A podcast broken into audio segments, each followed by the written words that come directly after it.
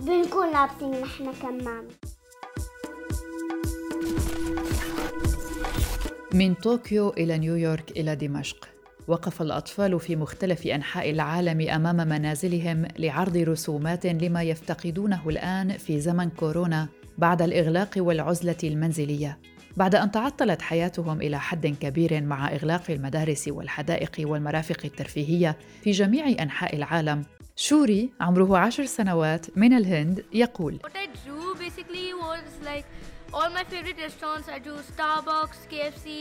ما رسمته كان في الأساس المطاعم المفضلة لدي. رسمت Starbucks و KFC و McDonald's ورسمت مدرستي.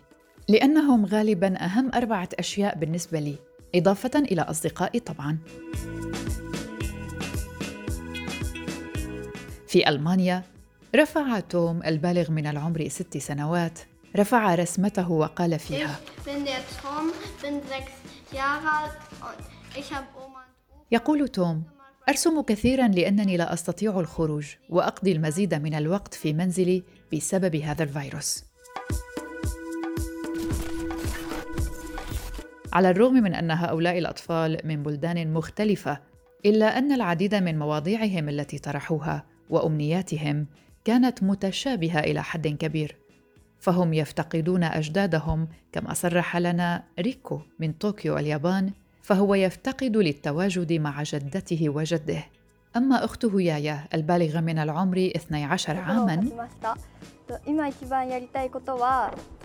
تقول يايا رسمت صورة لي وأنا أتنزه مع أصدقائي ما أريد القيام به الآن فقط التنزه معهم.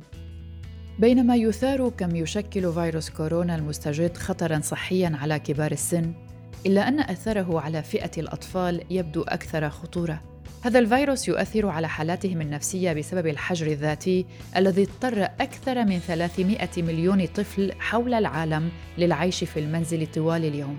لا ننسى أن هذا الأثر قد لا يبدو مباشرة وعليه يجب البحث فيه والتعمق لأنه صامت لا أعراض واضحة له. ليديا عشر سنوات وهي من نيويورك I miss being social with people and I drew this picture of me selling lemonade and what it could be like after. أفتقد الاختلاط بالناس وقد رسمت هذه الصورة لي وأنا أبيع عصير الليمون وما يمكن أن يكون الوضع عليه بعد بيعه بيع الليمون هنا هو مثال لأنه يمكنك بالفعل التحدث إلى الناس والتفاعل والآن بسبب الإغلاق لا يمكنك حتى النظر إلى الناس. يبدو أن نيبون من تايلاند وعمره عشر سنوات له رأي آخر. يقول نيبون لا أشعر بأي شيء لأنني أحب البقاء في المنزل. أعتقد أن البقاء في المنزل أكثر متعة من الخروج. أما حلا وعمرها أربع سنوات من سوريا. ما حدا بيحب الكورونا وهيك وضع كورونا على أساس بعيدة. وبس ترجع وبس ترجع هي الكورونا بنكون لابسين نحن كمان.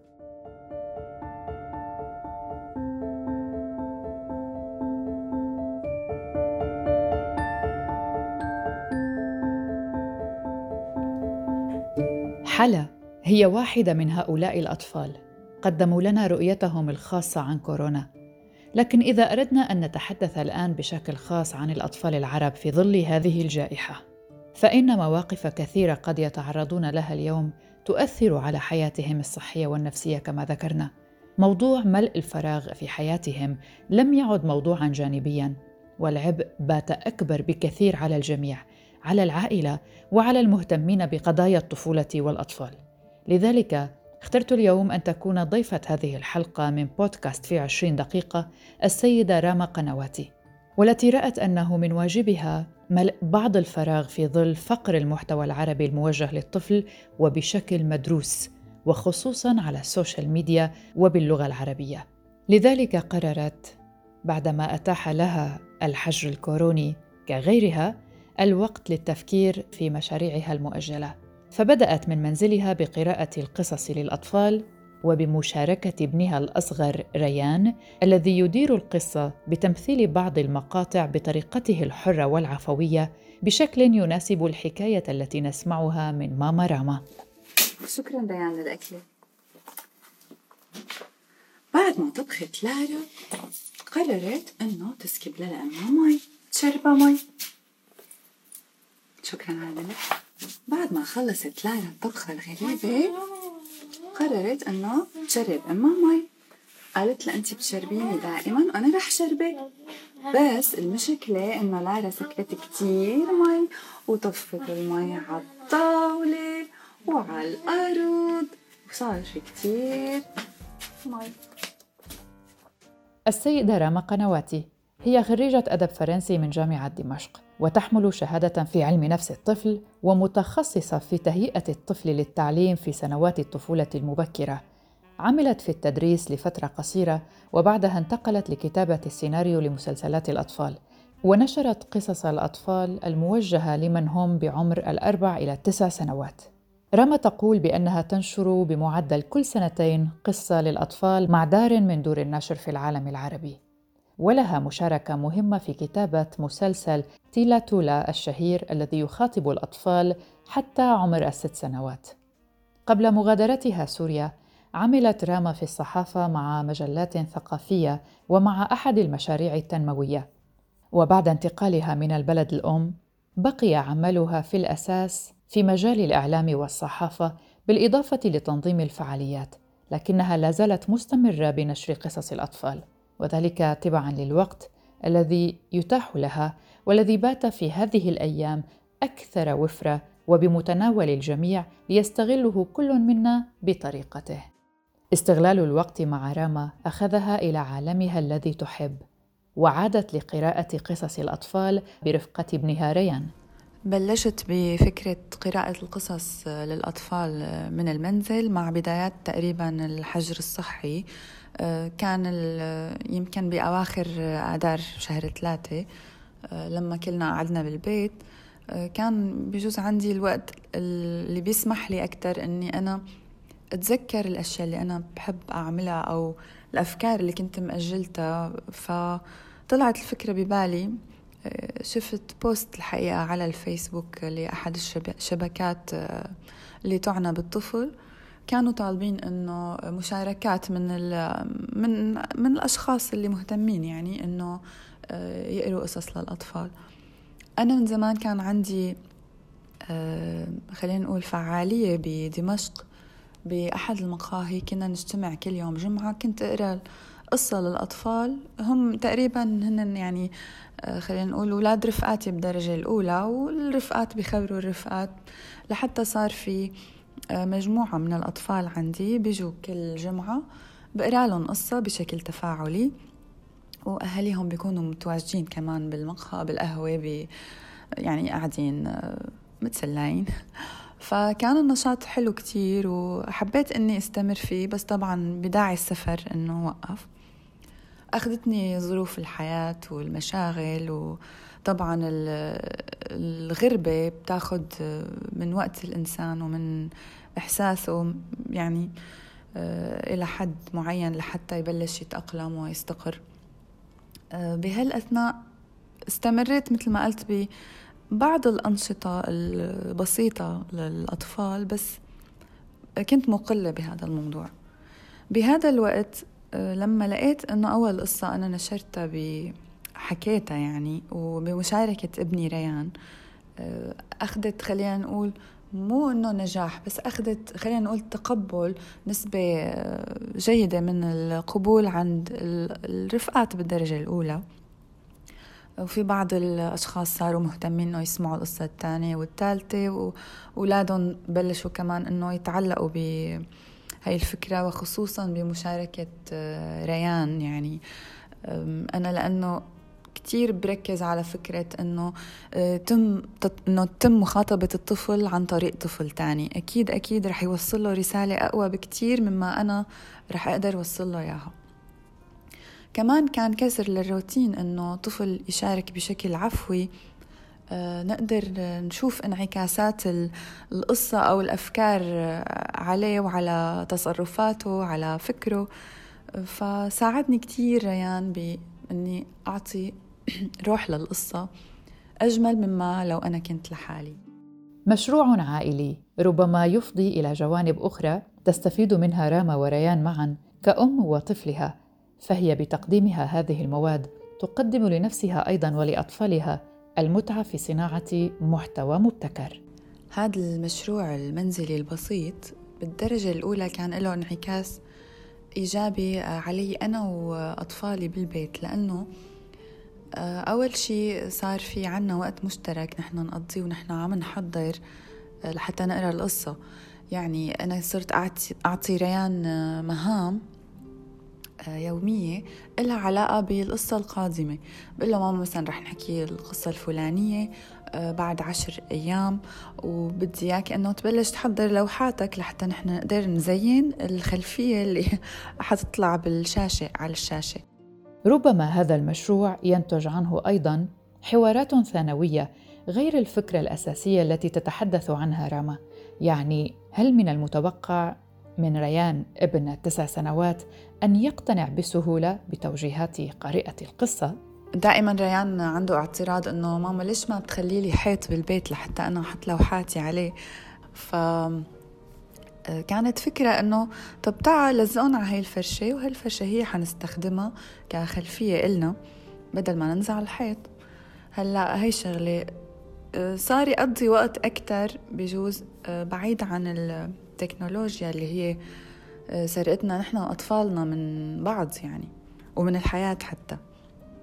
فهي أول هدف الحقيقة كنت أنا مصرة عليه إنه بدي أخلق نشاط لأطفالي بالبيت يكون بعيد عن الأجهزة.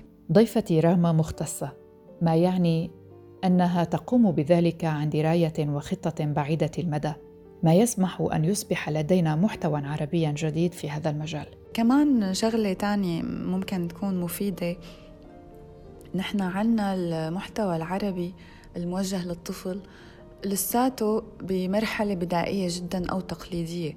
طبعا أكيد في استثناءات بس آه، ما أخذت لسه حقها بالظهور. ودائما لما بدنا نعلم أطفالنا عربي عم بيكون المنتج آه، بسيط يعني بسيط بس بالطريقة الساذجة. آه، ما عم بيخاطب الطفل أو يشده. دائما في طريقة تلقين وتلقيم. للمعلومات.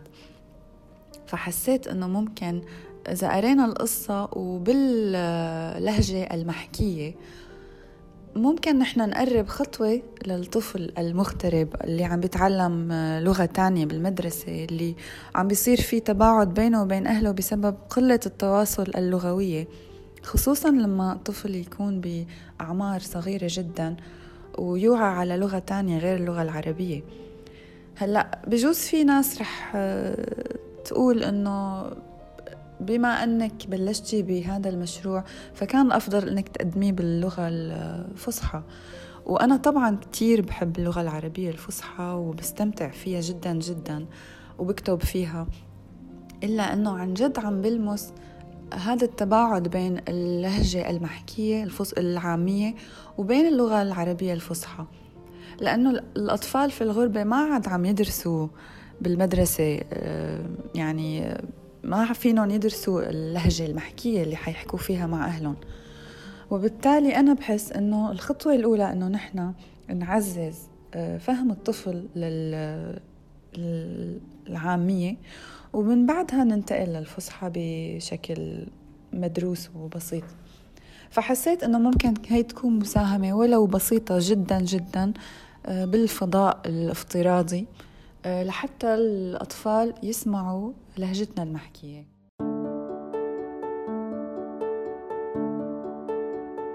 ما نسمعه من السيدة راما هنا يعطي انطباعا أن هذا العمل الذي يصلنا كمتلقين يحتاج لجهة إنتاجية كبيرة ولدعم من مختصين. لكن في هذه الظروف في ظروف العزل المنزلي كيف تقوم راما بإنتاج موادها؟ عم ننفذ الفكرة بطريقة بسيطة جدا جدا بالبيت بوسائل بسيطة منزلية أغراض البيت الطناجر الألعاب الحرامات الفرشة كل شيء يعني موجود بالبيت ممكن إنه أستخدمه بالإضافة لموبايلي اللي هو عم صور منه وحقيقة ما عندي حتى ستاند لسه عم لزقه على الحيط بشكل أو بآخر وعم نصور.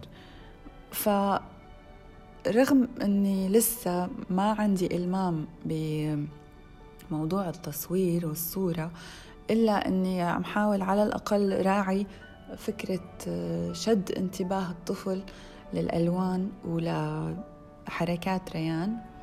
العفوية اللي هي عم تطلع منه بدون أي تلقين. يعني أنا بعطي ريان الفكرة بقول له رح نعمل هيك بهالفقرة وبترك له الحرية إنه هو يتصرف. وعم باخذ هي التصرفات بشكلها. العفوي هو له شخصية معينة هي عم تظهر نفسها على الشاشة. أه، فالأدوات بسيطة جدا. فينا نعمل بالأدوات اللي عنا بالبيت كتير أفكار. بحتاج يمكن بالمرحلة المقبلة لأني أنا بتمنى فعلا أنه هذا يصير مشروع ويكون عنده أه، ممكن تمويل وإنتاج رسمي لحتى يرتقي للمستوى اللي لازم أنا أقدمه فيه من ناحية التصوير والصورة وإلى آخره. أه، فبتمنى فعلا أني أنا بلش فكر بشكل محترف أكتر. بس بنفس الوقت دايما بخاف على عفوية الفكرة. ما بدي هي الفكرة تفقد بساطتها وتفقد حقيقتها. فبعتقد للأيام الجاية أكيد رح يتطور المشروع بس أنا رح أعطيه وقته ما رح أستعجل فيه. خلي ياخد كل الوقت اللي محتاجه لحتى آه، أقدر أوصل للهدف اللي أنا يعني عم فكر فيه. راما كاتبة قصص أطفال ومختصة في هذا المجال بدأت بالقراءة من قصصها لكن بعدها قرأت قصة لكاتبة أخرى وهذا ما أثار فضولي لأسأل. ما الهدف من قراءات لكاتبات أو كتاب آخرين؟ أه مثل ما شفنا من القصص اللي قريتهم أول قصتين هن من كتابتي. القصة الثالثة هي أه لكاتبة أخرى موهوبة جدا بالكتابة للطفل. وأنا يعني بطمح آه، ضوي على أه الكتاب الجدد اللي هن عم يحاولوا يعطوا ويبذلوا جهد ملحوظ آه، لحتى يرفعوا من مستوى السرد القصصي أو الموجه للأطفال. آه، كتير بتمنى أنه ياخدوا فرصتهم ومساحتهم آه، علما أنه نحن عنا دائما يعني تحديات تواجه الكتاب للأطفال اللي هي بداية الأجور الزهيدة جدا وعدم توافر الإنتاج. فأنا بتمنى أنه هدول الكتاب ياخذوا فرصتهم. وبيجوز من خلال مشروعي ومشاريع أخرى نحن نقدر أنه نسلط الضوء على هاي التجارب الهامة. آه، تبلش هي آه، تاخذ يعني خلينا نقول الواجهة والتجارب البالية والتقليدية والساذجة تبلش إنه تتناقص لتنقرض. لأنه نحن عن جد صرنا كتير متأخرين بالمحتوى آه، العربي الموجه للطفل عن العالم الخارجي.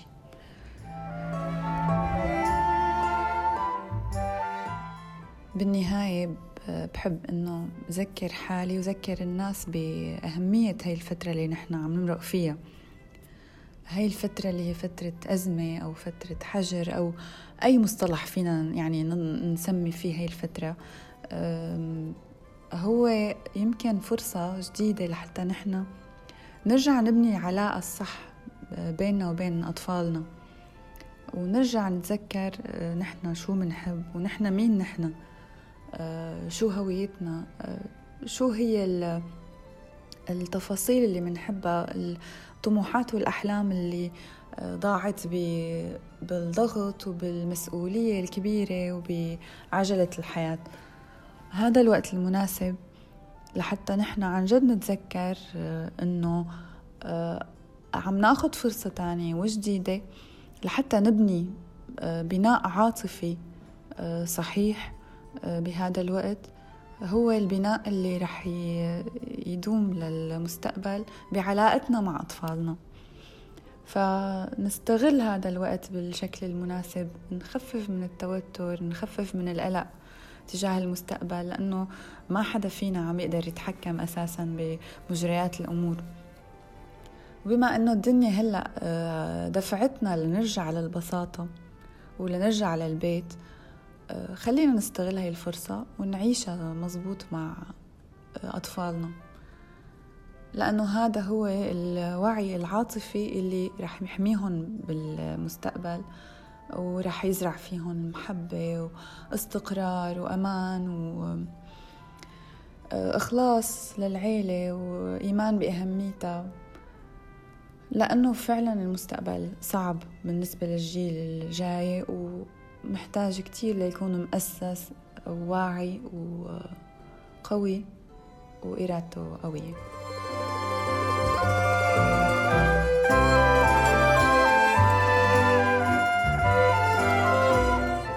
استمعتم إلى حلقة جديدة من بودكاست في عشرين دقيقة من إعدادي وتقديمي براء صليبي. لا تنسوا متابعتنا عبر مختلف منصات البودكاست iTunes، Spotify، Google Podcast وعبر ال SoundCloud وتطبيق أنغامي. يمكنكم أيضا زيارتنا عبر موقعنا الآن dot FM. شكرا لكم لطيب الاستماع. إلى اللقاء.